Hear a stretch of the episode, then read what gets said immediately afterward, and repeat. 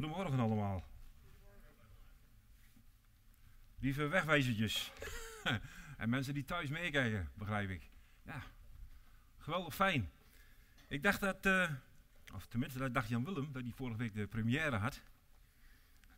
Maar ik begrijp dat ik nu de première heb waar uh, voor het eerst geluid aanwezig is. Echt prachtig toch? Mooi hè?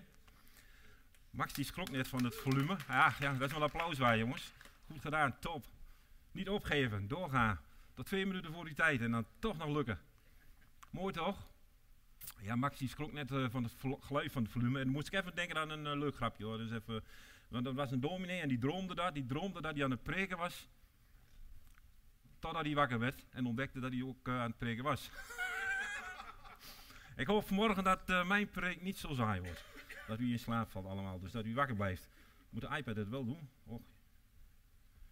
Ja, kijk eens jongens. Ook dat nog. Dat is als je over zoiets begint, is dat natuurlijk ook de gouden verzoeken, zegt ze wel eens. Ik had een thema, pakken wat je pakken kunt. En ik had een hele mooie foto bij. Uh, als je met zo'n, uh, als je een preek toegewezen krijgt, ik weet niet, mag ik die foto even zien? Is, is, wel leuk. Lukt dat? Uh, achter mij. Oh, ik kan niet op de zijkant. Ja, kijk, ja, dat is het. Mooie foto, prachtig. Uh, als je, als je uh, uh, zoals mij gevraagd wordt, wil je dan en dan spreken? En wat ik eerst doe is, dan ga ik in gebed. Waar, waar, Heer, waar wilt u dat ik erover spreek? En ik kreeg gelijk dat thema in mij, pakken wat je pakken kunt. Ik had geen idee wat het over moest gaan. Maar ik denk, ik ga er gelijk wel een plaatje bij zoeken. En toen dacht ik aan, ja, zoiets hè, dit is, dit is Black Friday. Kennen jullie die? Kennen jullie dat, Black Friday? Dus de dag na Thanksgiving, dan komen ze allemaal bij elkaar. En dan, en dan uh, in, in, Amerika is dat vooral. En dan uh, danken ze God voor alle goede gaven wat ze gekregen hebben.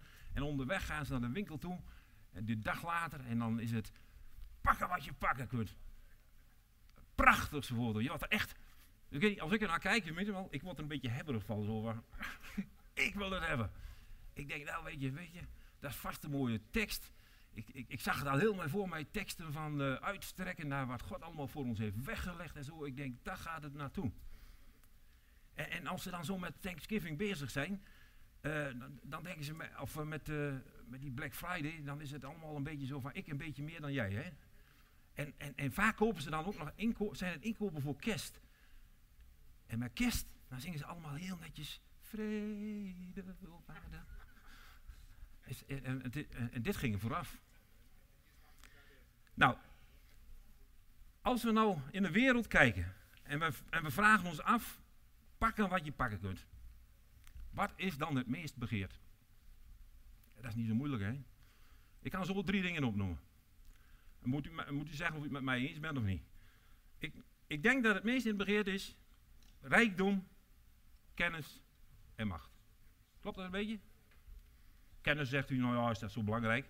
Maar dan denk ik aan, aan mannen als uh, Steve Jobs en, uh, en hoe heet die andere ook alweer van Bill Gates en hoe, zeg je? Zuckerberry. Zucker, oh, dat is die van Facebook. Ja, juist, juist. Die man, ja.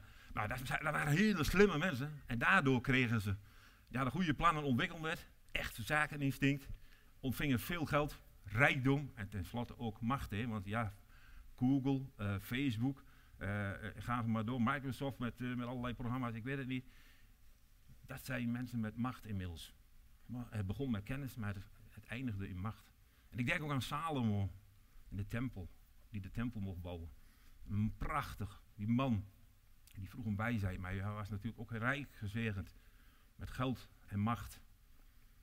En uh, ik, ik heb wel eens gehoord dat heel veel mannen ervan dromen om Salomo te zijn. Duizend vrouwen, hè, dat zien ze wel zitten.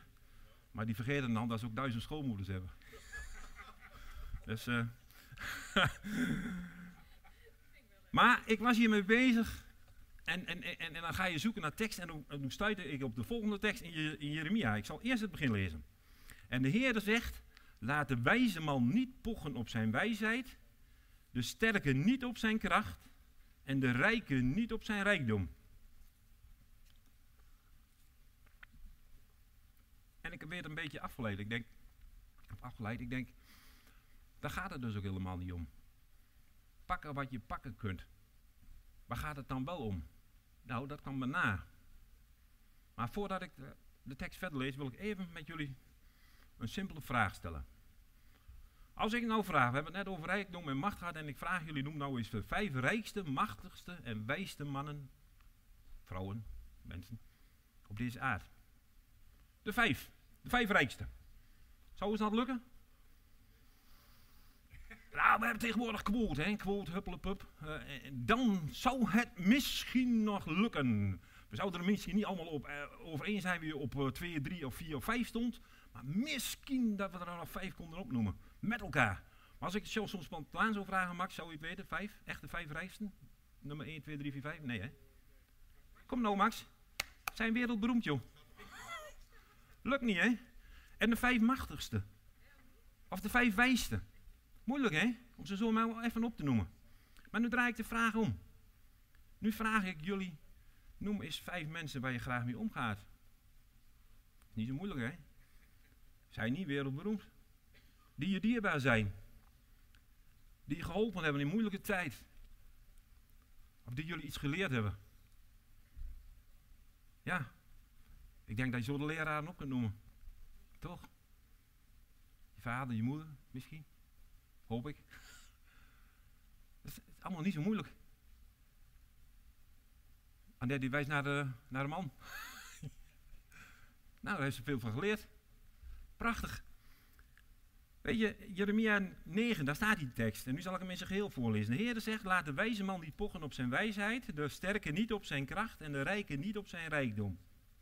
En die komt het, laten zij zich er alleen op beroemen dat zij mij werkelijk kennen. Daar draait het om. Niet over rijkdom, niet over macht. Het lijkt allemaal leuk, maar uiteindelijk, je hebt er niks aan. Het gaat om het werkelijk kennen. Het kennen van Jezus. Toen ik hiermee bezig was, toen las ik een heel leuk verhaaltje. En dat ging over een domineesvrouw. En uh, er was een verbouwing gaande uh, naast de pastorie. En uh, ja, en dat ging er niet zo heel leuk aan toe soms. Daar werd nogal, nou ja, een beetje luid gesproken. En de taal die daar voorbij kwam, dat was niet helemaal 100% Nederlands misschien. En af en toe kwam er ook eens een vloek bij. En, en, die, en, die, en die die ergerde zich een beetje aan. En op een gegeven moment denkt ze bij zichzelf, nou weet je, ze, was al een paar keer geneigd om naartoe te gaan en even, even flink toe te spreken. En zo van, nou jongens, dat kan niet. Maar ze hadden met de man over en ze hadden samen besloten, nee, dat was toch niet verstandig. Maar weet je, ze hadden een goed plan bedacht. Ze zouden er naartoe gaan en dan zouden ze even mooi met hun in gesprek gaan. En dan zouden ze van Jezus vertellen. En uh, ze had al uh, nagedacht, hoe ga ik dat aanpakken? En ik denk op een gegeven moment, ik denk, eh, ja, ik kan ze natuurlijk niet allemaal van het werk afhouden. En, en, ja, en het loopt allemaal door elkaar. Dus hoe doe ik dat nou? Nou, ik zoek een geschikt moment. En dat is in de middag, tijdens de lunch. Dan ga ik er gewoon bij zitten. Dan neem ik mijn lunchpakketje mee, hè, mijn trommeltje, onder de arm. En dan ga ik er naartoe en ik ga een gesprek aan. Nou, en zij er naartoe op die middag. En, en terwijl ze dat, dat gebouw binnenkwam, en nou ja, toen hoorden ze het al van vetten. En het goede plan wat ze uh, voor ogen had, wat ze van plan was te gaan doen, dat was meteen weg. En één keer, ze komt binnen en ze stormt op de eerste beste toe.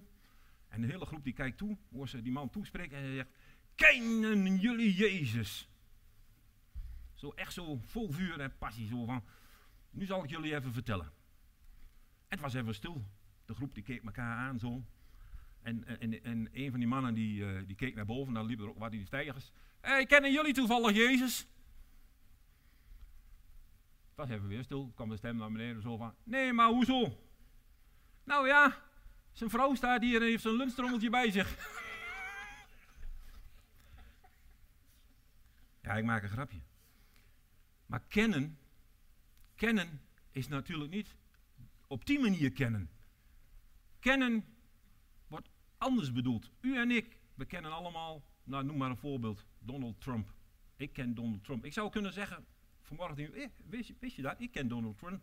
En zou u denken van, goh, ja jongen, heb je hem ontmoet of zo? Nee, ik heb hem eens op televisie gezien. Ja, hallo wie dus, zo ken ik Donald Trump ook. Er zit verschil tussen kennen en kennen. En als ik het nou opzoek in een woordenboek, dan staat daar ergens mee bekend zijn, weten hoe iets is. Het echt weten hoe iets is, dat is kennen.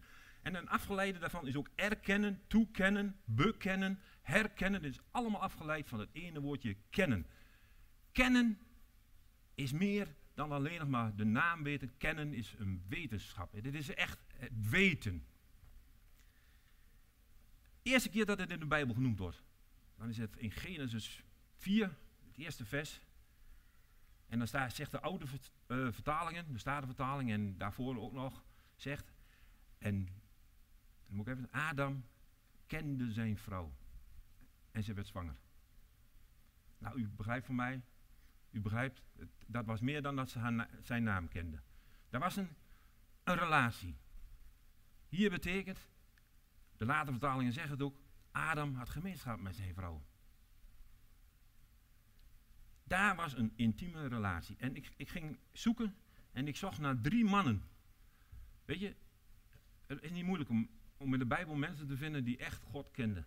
Ik had er nog veel meer op kunnen zoeken. Als je sla, ik zou u willen aanraden, lees Hebreeën 11 is, dan heb je een hele lijst van mannen en vrouwen die echt, en dan wordt dat opgezomd, en, en Mozes die en die en die en die, die, en door de kracht en door het geloof, en dan word je echt aangemoedigd, wil je aangemoedigd worden.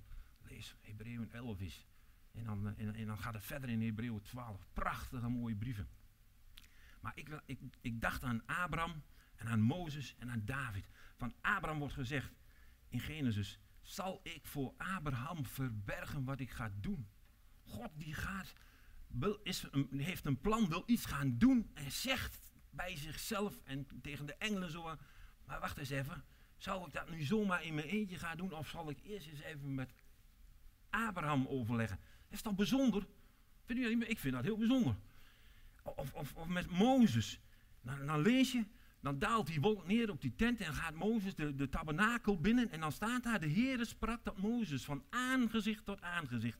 Zoals een man met zijn vriend spreekt. Wauw! Als het over intimiteit hebt, dat is toch intimiteit? God die ja, als jou, als het ware, zo in een face-to-face gesprek, zo even met jou nou, je denkt er haast een kopje koffie bij zo aan tafel, maar dat is het niet. Het is een heilig moment, maar hij spreekt hem van aangezicht tot aangezicht. Zoals een man met zijn vriend spreekt. Of zoals David in handelingen lezen we ook over hem. Ik heb David, zegt God, daar dan de zoon van Israël gevonden. En hij was een man naar mijn hart. Wauw, wat kan ik ontroerd van? Dan denk ik, ik wou dat ik dat had, dat God van mij zei. Zo van, dat is een man naar mijn hart. Dat is een vrouw naar mijn hart. Hier is verbondenheid, hier is intimiteit, hier is meer dan alleen maar kennen. Ik heb ooit eens van hem gehoord. Hier is een connectie gaande. Dit is geweldig. En als we dan nadenken, dan zeggen we, ja, dat waren uitzonderingen, dat is onhaalbaar voor ons.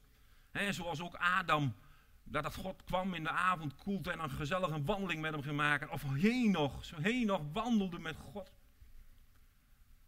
Maar hoeveel te meer als dit al in het Oude Testament kon, moet het voor ons mogelijk zijn. Nu, nu Jezus voor ons gestorven is en Hij de verzoening teweeg heeft gebracht tussen God en de mens. Hoeveel te meer moet het mogelijk zijn om met Hem een diepe, echte relatie aan te gaan. Meer dan alleen maar kennen van Zijn naam. Als je mensen vraagt, en je zal op straat vragen, en, of ik zou misschien hier vragen zelfs. En ik zou vragen van, leg mij nou eens uit, hoe zit dat evangelie in elkaar? Dan, dan, heb je, ik kan het eigenlijk zo in drie punten maken. En als punt 1 is, u, ik, we waren zondaren. Dat was punt 1. Sommigen denken zelf, we zijn nog steeds zondaren. Ik, ik, wil daar niet te diep in gaan, maar dan zou ik een hele preek kunnen rijden. Maar in Johannes 1 lezen we, het bloed van Jezus Christus, zijn zoon, reinigt ons van alle zonden. Niet eventjes.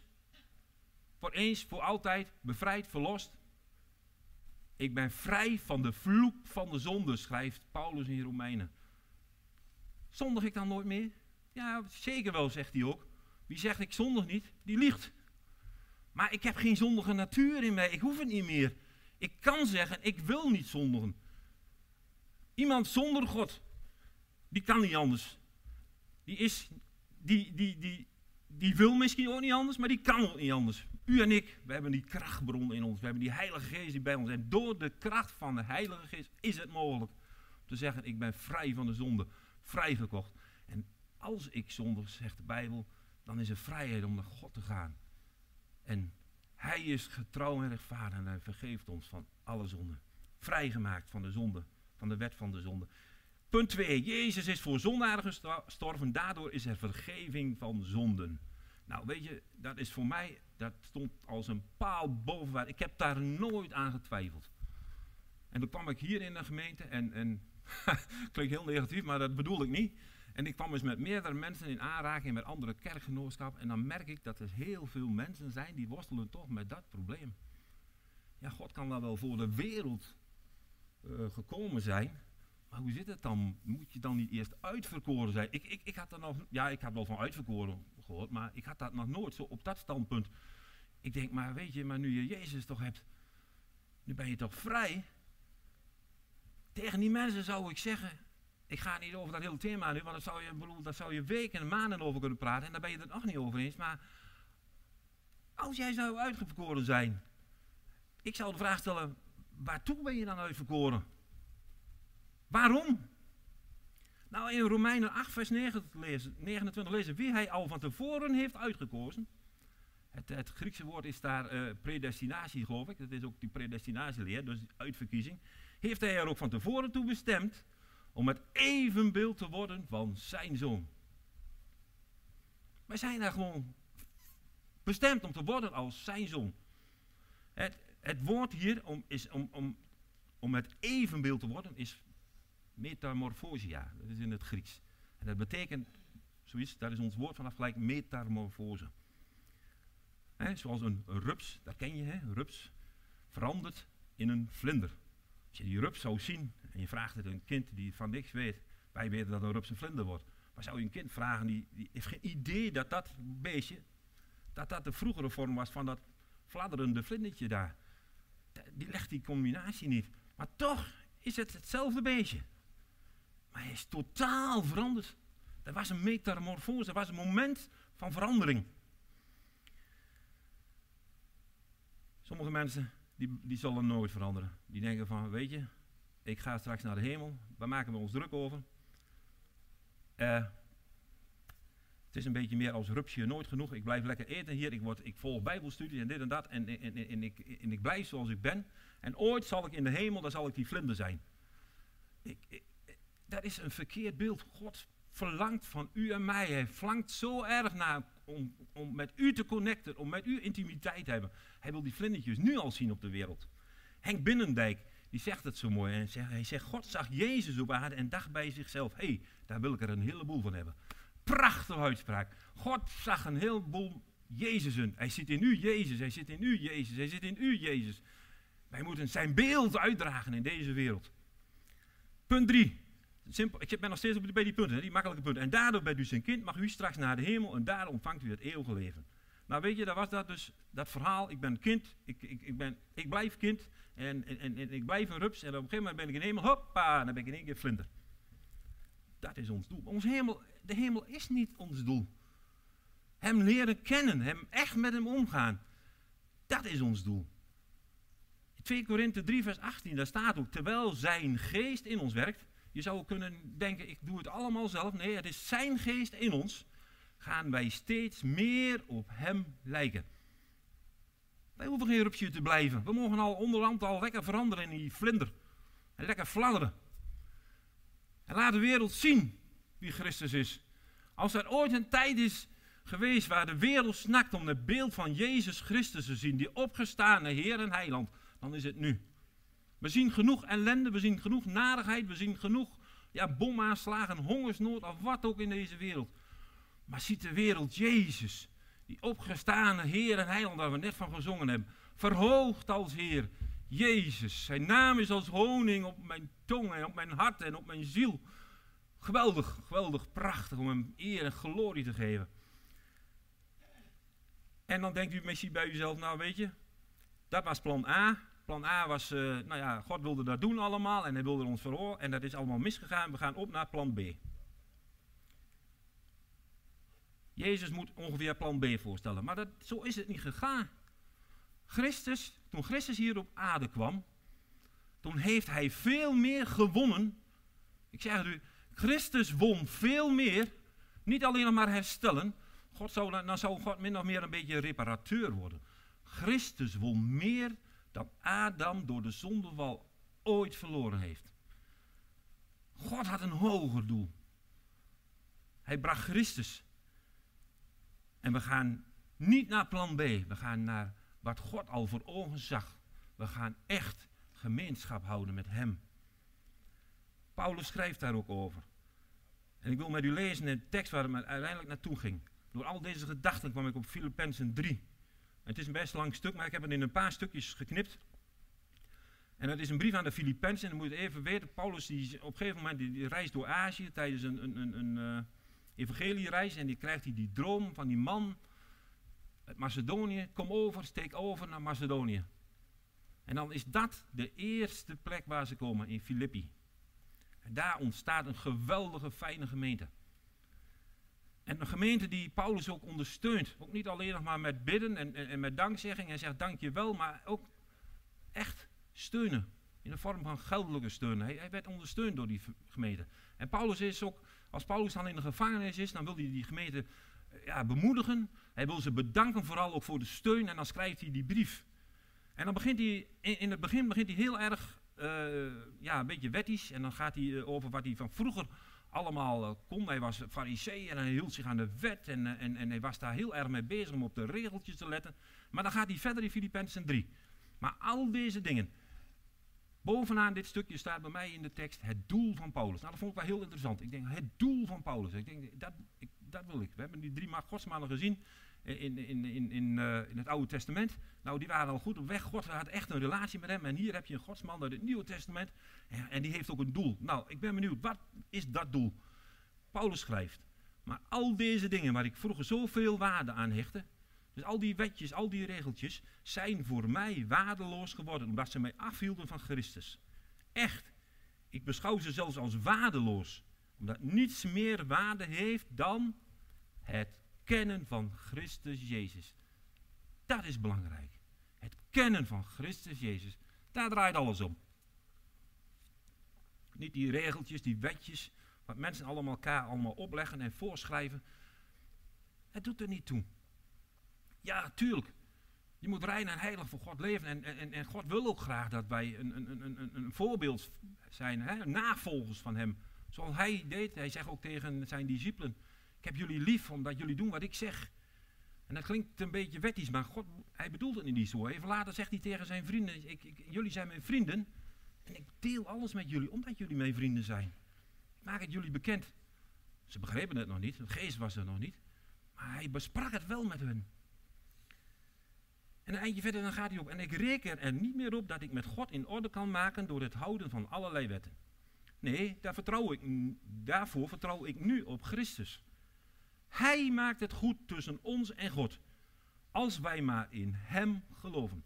Hij wil ons verzoenen. God bracht zijn zoon om verzoening te brengen. Hij wil het goed maken tussen God en de mens. Jezus Christus. Het enige wat ik wil, zegt hij, is Christus kennen. En ervaren hoe groot de kracht is waardoor hij uit de dood is opgestaan. Ik wil ervaren wat het betekent om met hem te lijden en te sterven en om uiteindelijk te komen tot de opstanding uit de dood. Dit is echt diep. Dit gaat heel diep. Paulus zegt hier, dat woord wordt ook gebruikt, imitator staat er als het ware. Ik wil een navolger zijn, ik wil doen wat Christus deed. Paulus gaat zelfs zo ver. Paulus zegt, ik wil niet alleen nog maar ja, dat mooie van hem, maar ik wil met hem meelijden. Nou, ik weet niet of ik daarop sta te springen. Dat, dat lijden en weet u, dat is voor ons allemaal niet weggelegd. Paulus zegt, uh, ik wil zelfs... Kijk, de, meeste christenen toen in die tijd waren in gedachten, we, we, we, we zijn hier gemeente en we blijven hier op aarde, maar spoedig zal de Heer weer komen en dan zal hij ons opnemen als zijn bruid. Dat was de gedachte. Paulus zegt, weet je, ik zou het ook mooi vinden om te sterven. En dan met een opstandingslichaam weer op te staan, te lijden zelfs, en dan te sterven. Als het ware van, precies zoals Jezus gedaan. Ik, ik, ik wil me zo vereenzelvigen met hem. Ook dat deel, dat lijden, dat wil ik meemaken. Nou, dat is diep hoor. Dat is echt diep. Daar moet je echt boven natuurlijke goddelijke krachten echt vol zijn van de geest. Want als mens kun je niet zeggen dat lijden wil ik. ik, ik ik zou niet zo ja, naar de hemel gaan, verheerlijk worden, glorierijk, prachtig, gekroond worden. Ja, dat, dat, dat willen we allemaal. Maar dat stukje lijden, dat sterven met hem, dat is moeilijk. Hier heb ik staan zo, ja, zo'n mooie tekst. Christen worden is gratis. Christen zijn kost je alles. Zoals die rijke jongeling die dan bij, bij Jezus komt. En hij doet alles, heeft perfect alles afgevinkt. Hele lijstje. Prima, perfect. Volmaakt bijna. Nog dat ene kleine dingetje. Verkoop alles, zegt Jezus. Zei hij dat tegen allemaal? Nee, maar hij zei tegen deze, deze jongeman. En waarom zei hij nou tegen deze jongeman? Maar hij wist het, dit was een belemmering. Dit was iets wat die jongeman nog was. Hij zat nog te veel vast aan dat geld en dat goed. Hij had, hij had er zoveel van. Hij had het lief. Hij had het meer lief dan Jezus. Jezus, ik hou van u. We hebben het net gezongen. Maar dat, dat geld, dat hield hij toch nog net iets meer van. En hij ging bedroefd heen. Paulus schrijft verder. En daarom, daarmee wil ik niet zeggen dat ik er al ben of dat ik al volmaakt ben. Paulus wist van zichzelf. Ja, ik ben een zondig mens. Hij begint zelfs van, ik ben de slechtste onder allemaal, weet je wel. Ik, ik, van al die, uh, ja, ik wil even niet op naam van al die apostelen ben ik de slechtste. Ik, ik, ik, ik heb de gemeente gevolgd, ik, wat heb ik allemaal niet verkeerd gedaan? Hij wist het van zichzelf. Maar ik wil en blijf doorgaan om eens te kunnen grijpen. Kijk, daar we het, hè. Pakken wat je pakken kunt. Pakken. Paulus zegt, dat wil ik pakken. Al dat andere mag, dat mag je, dat mag, ja, dat is mij egaal. Ik, het zou mij, uh, nou, in de wereld gezegd, zou mij een worst zijn. Maar ik wil dat pakken. En ik zie het ook als een race. Hè. Ik zie het ook als een race en, en, en als, een, als een roeping. Zegt hij, ik, hij gaat verder. Ik wil grijpen waarvoor Christus mij ook gegrepen heeft. Hij was, hij was gepakt door de woorden die, die Jezus gesproken had. En die, die, die als het ware leefden in zijn hart. Christus had hem gegrepen en hij liet hem niet meer los. Het was Christus voor en Christus na. Hij stond op met Christus en hij ging, zoals ook bij mensen zeggen, hij ging s'avonds naar bed en nog steeds Christus verheerlijkt. Je hebt van die mensen die komen en die gaan en die komen in de kerk en dan... Het, eh, ja, ik zei ook zo eens tegen iemand en hij zei, ja, maar tegenwoordig is, is een christen zijn is meer net een, jas die je aan hebt. Bedoel, je komt zondags in, je kerk, in de kerk en dan trek je je zondagse jas aan en dan ben je op dat moment ben je christen. En je komt weer thuis, je hangt die zondagse jas op, hup, en daar hangt je geloof ook de hele rest van de week. Maar dat was natuurlijk nooit het doel. We moeten Christus voor en achter zijn. Nou, Paulus begreep dat. Ik denk niet, zegt hij, dat ik daarin geslaagd ben, broers en zusters. Maar één ding weet ik zeker. En daarbij vergeet ik wat achter mij ligt. En ik strek me uit naar wat voor mij ligt. Vergeet wat achter je ligt. Sommige mensen kunnen soms zo achterom kijken en, en nog maar door blijven jammeren wat vroeger ooit is was. Die heeft me dat gedaan, die heeft me dat en toen dit en toen dat. Paulus zegt, zoals een boer ook die zijn land wil ploegen. En die, van die, vroeger had je natuurlijk nog, tegenwoordig eh, hebben ze trekkers met, met GPS, maar vroeger had je natuurlijk nog van die egger en dan moesten ze zo'n paard en dat liep dan. En dan staat er ook van, als je achterom kijkt en je blijft achterom kijken, dan kun je geen rechte voren maken, dan maak je ze scheef. En dan kun jij wel denken van, ja dat is niet erg. Maar weet je hoe erg die boeren daar onderling vonden? Dan, dan, dan, die, die, die, die akker van de buurman wel eens gezien, hoe scheve voren die heeft. Bedoel, eh, niet dat het nou zo erg was, want eh, ik bedoel, er werd op gezaaid en het zou heus groeien. Maar nee, dat, wilde die, dat, was, dat was de eer te na. Die voren moesten mooi recht zijn. En iedereen zei, poek, hier, die van Boer Harrisman, die zijn mooi recht, die zijn spik en span. Nou weet je, Paulus zegt, dat is het. Ik strek me uit, ik wil niet achterom kijken, ik wil recht vooruit. En ik wil de prijs behalen. Hij vergelijkt het eigenlijk met een jacht. Ik wil jagen en ik wil een prijs halen. Eh, zoals een wedloop, zegt hij in een ander stuk. En ik wil winnen. Ik ga ervoor om te winnen. Misschien dat ik het niet doe, maar ik, ik geef niet op. Al loop ik ook laatst. En dan, dan, kan ik zeggen van, nou ja, ik ga toch niet meer winnen. Ik blijf doorgaan. Zoals we hier ook met de livestream vanmorgen hadden, 2 voor 10. Het lukte nog niet. We kunnen de stekker er wel uit zeggen, zegt Casper, maar het gaat toch niet lukken. Nou, het is toch gelukt, Casper. Hé, hey, halleluja. Ja, je zei het. Jacco, oh sorry, Jacco, sorry, Jacco. Wat zeg ik nou? Wat zei ik dan? Kasper, ach ja, ja dat zei ik, haal altijd door de naam door elkaar. Maar, sorry, uh, Jacco. Eh. Niet dat ik al volmaakt ben. Volmaakt staat hier trouwens in, in, in, in, niet volmaakt dat hij perfect bedoelt, maar volmaakt is volgroeid. Ik ben nog geen vlinder. Ik ben nog in de ontwikkeling ernaartoe. Ik ben, ja, ik ben misschien al wel vlinder, maar die vleugels van mij die zijn nog. Ik zie al wel prachtig uit, maar die moeten nog drogen. Dat is ook nog een periode. Nou, weet je, je kunt heiligmaking zien als, als, als, als iets van een proces wat heel negatief klinkt. Hè? Je bent maar bezig om die zonden eronder te houden en om, en om het goede te doen en, en, alleen nog maar daarop te letten. Nou, dat is ook niet de bedoeling. Het is positief.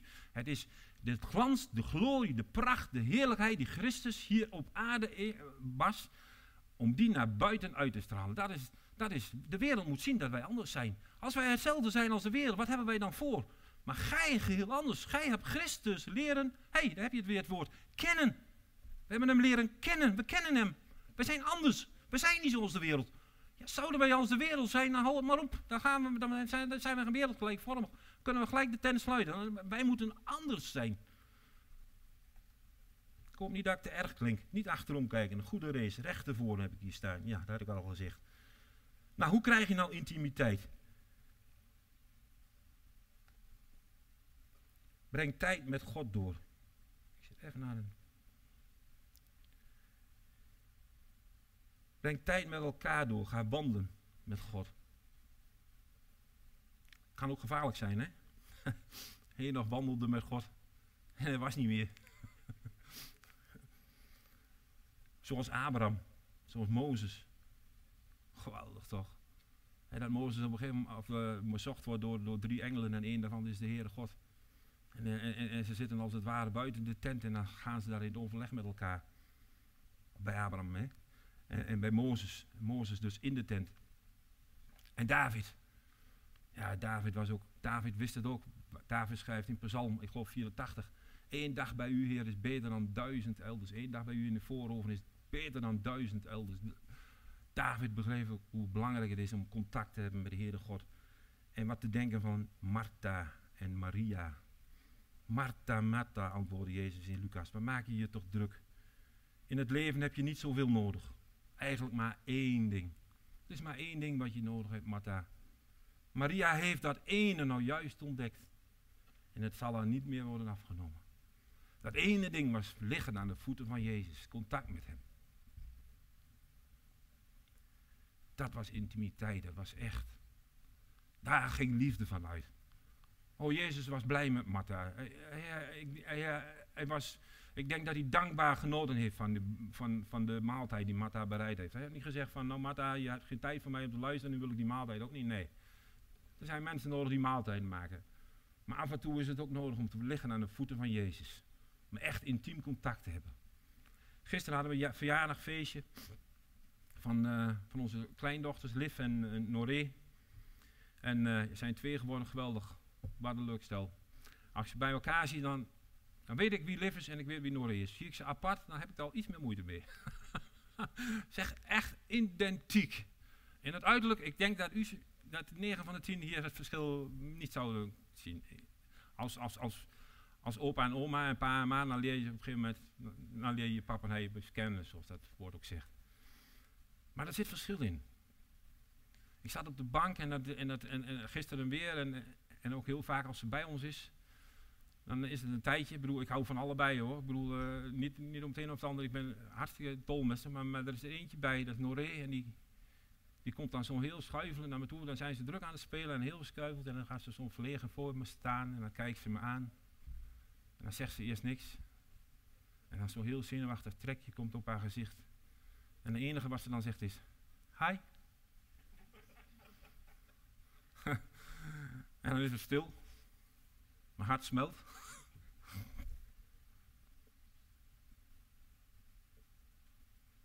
en dan zeg ik: Hi.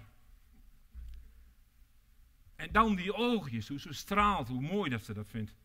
Dat is, dat is, en doet alleen één. Liv is ook, is ook gek met mij. Ik hou ook van haar. Maar ik bedoel, maar die band is toch anders. Zij heeft die speciale band met mij. Als ik binnenkom, zie ik ook gelijk in haar ogen. Hé, hey, dat is opa. En dan is er even stil.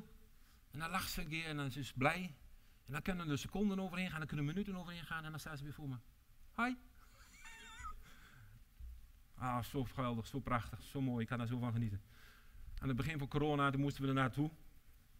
En uh, we mochten uh, hun niet ontmoeten. Ja, ze mochten ontmoeten. We zaten aan de andere kant van het glas. We zaten voor het huis. Het was nog, natuurlijk nog mooi weer. Dat kon ook. Je kon buiten zitten. En uh, Rick, mijn zoon, die had de koffie buiten neergezet. En dan moest je de kinderen bekijken achter het glas. Is toch niet hetzelfde, hè? Ik zag haar, zij zag mij. Ze, zagen mij, ik zag hun. Maar er zat iets tussen. Tuurlijk, ik was blij, blij dat we ze konden zien. Maar er zat toch iets van een barrière, dat glas. Het was maar een paar millimeter. En ik kon het was doorheen kijken. Wat een onzin dat het verschil is, maar toch was het verschil. We legden de handen zo neer, zijn kleine handjes aan die andere kant. Ik denk dat uh, mijn schoondochter niet zo blij was, ik moest na die tijd de ramen was, maar ik voelde het. En toch, hoe mooi zou het zijn als het glas, dat glas ertussen weg is. En er is echt contact, intimiteit. Ik wou vanmorgen vragen, ik sluit af. Denk ik. Of, kan ik nog even? Ik heb nog een paar teksten trouwens. Ken je hem? Is er intimiteit? Als ik jou zou vragen. Ik ken hem. Hoe is dat kennen? Is dat, ik heb van hem gehoord. Ik weet, hij heeft mijn zonden gekocht. Hij heeft mij betaald. De zonde betaald, mijn schuld betaald. Ik ben vrij. Ik mag leven. Al die dingen. Maar is er intimiteit? Is er die klik? Kun je echt zeggen, zoals Petrus verderop ook, ik hou van hem. Hebben het vanmorgen gezongen. Jezus, ik hou van u. Hou je echt van hem? Petrus, heb je mij waarlijk lief? Vraagt Jezus. Heb je mij waarlijk lief? Hij zet, hij zet Petrus best voor schut hoor. Want hij zegt er nog bij, nog meer dan die anderen, meer dan deze. Meer, meer dan die andere Petrus. Niet maar een klein bij, beetje, maar zo, nog meer dan die anderen. U en ik zouden zeggen, want jongen, jongen, als je dat moet zeggen en je moet daar ja op zeggen, dan ben je toch wel een pochert, hè? Ik ik, ik, ben beter, ik, ik hou meer van de Heer Jezus dan al die anderen, maar dat kun je toch niet zeggen? Maar Petrus, hij had de Heer lief. En, en, en, en, door heel zijn leven kun je dat zien dat er echte liefde was. Er was echt een band. Je had, je had die twee apostelen, hè, die zo verschillend. En toch hadden ze beide de Heer lief. Johannes, de apostel der liefde. Hij schrijft ook veel over die liefde. En hij is het die, als je het leest, de apostel die Jezus lief had. Ik heb, vraag me wel eens altijd af, en dan denk ik wel eens bij mezelf, hoe staat het er nou eigenlijk? Heeft nou Jezus die apostel lief? Of heeft die apostel Jezus lief? De apostel die Jezus lief had. Je kunt het zo lezen, de apostel die, welke apostel? Nou ja, degene die Jezus lief had. Of is het nou, ja, welke apostel, apostel had Jezus lief? Nou, die apostel die Jezus lief had. Johannes. Ik denk dat het beide was. Maar hij wist het van zichzelf. En hij schreef erover. Het staat alleen nog in de Johannes-evangelie. Wist u dat? Apostel. Dat staat niet in die andere. Johannes schrijft het van zichzelf als de apostel die Jezus lief heeft. En als, dan, als ze dan horen van... Uh, ja, allereerst al met de storm op de zee. En dan, is er, dan gaat die zee en dan zitten ze in dat bootje. En dan zien ze daar die, die figuur over het water gaan. Die geest, dat geest. En dan is het Johannes die zo fijngevoelig is om te zeggen... Hé, hey, het is de Heer. Maar het is Petrus die als eerste in de lucht springt en in het water gaat. Een haantje de voorste. Als op de zondagmorgen. De Heer is opgestaan uit het graf en de, en de vrouwen die komen en die kloppen aan. En de Heer is waarlijk opgestaan. Dan gaan er twee in de binnen. Johannes en, Johannes en uh, Petrus. Johannes die voorop loopt. Misschien dat hij beter conditie had, ik weet het niet. Maar hij liep voorop. Petrus volgt hem. En ze komen bij het graf. En wat doet Johannes? Johannes blijft staan. Petrus, pap, Johannes aan de kant. Hij gaat naar binnen. Hij is die man die intimiteit wil. Hij wil. Hij is zo vol kracht, zo vol vuur, zo vol passie. Ook met die voetenwassing. Oh Heer, niet toch mij. Ik, alles Heer, ik wil u dienen, ik wil u volgen. Ik wil de hele wereld achter mij laten. Maar Heer, dat toch niet, uw voeten wassen. Paul of uh, Petrus, als dat niet kan, heb je geen deel met mij.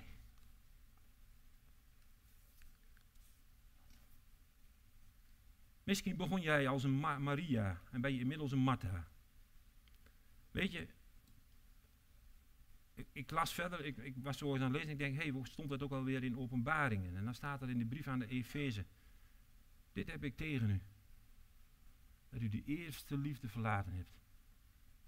We moeten waakzaam zijn, broeders en zusters. Om die eerste liefde niet te verlaten. We moeten hem blijven liefhebben. Zoals Petrus ook kon zeggen, Heer, ik heb u waarlijk lief. En toen het misging, toen, toen hij Jezus voor de derde keer ja, verraden daar, daar bij, bij Caiaphas. Dan lees je ook, hij ging heen en hij weende bitter. Oh, hij had zo'n berouw. Hij had soms spijt. Niet dat hij kon schelen wat die anderen van hem dachten, maar dat Jezus nu door had van, ja, Petrus had ik toch gelijk. He? Je zei het wel, maar zie wel, ik had toch gelijk, jongen. En hij weende bitter. Is hij jouw Heer? Is hij jouw heiland? Heiland is verlosser, maar hij ook jouw Heer? En Heer is meester. Het kost je alles. Maar Romeinen 8 zegt dan ook, als Paulus dat schrijft, als wij delen in zijn lijden, dan ook in zijn heerlijkheid. Ik wil afsluiten met een tekst. 2 Petrus 1, vers 2. Ook Petrus, die ontzettend van Jezus hield. Hij schreef, het is mijn grootste wens dat u God, nou, dit is het grootste wens, dit is wat hij eigenlijk het meest wil. En dat schrijft hij dus. Dat God, dat u God en onze Heer Jezus steeds beter leert kennen. Nog beter, nog beter. Leer hem kennen zoals hij is. Dan, weet je, geld, macht, rijkdom, kennis, het maakt je niet gelukkig. Het geeft je geen vrede. Hoe, vaak hoor je niet dat, dat er weer een rijke zichzelf van het leven heeft beroofd omdat hij het niet meer zag zitten? Dan zou je toch denken van man, jij hoeft toch geen problemen te hebben? Ja, maar ze hebben geen vrede. Dan zult u gelukkig worden. En zijn vrede en genade ervaren. Daar gaat het om. Leer hem kennen. Zullen we gaan staan en gaan bidden? Dan kan de groep er zo bij komen. Dan gaan we hem groot maken. Helaas mogen we nog niet hardop meezingen, maar zing in je hart mee. Klap waar het kan. Hij is onze Heer, hij is ons heiland, hij is hier in ons midden. En hij verdient het. De eer en glorie toegebracht te worden.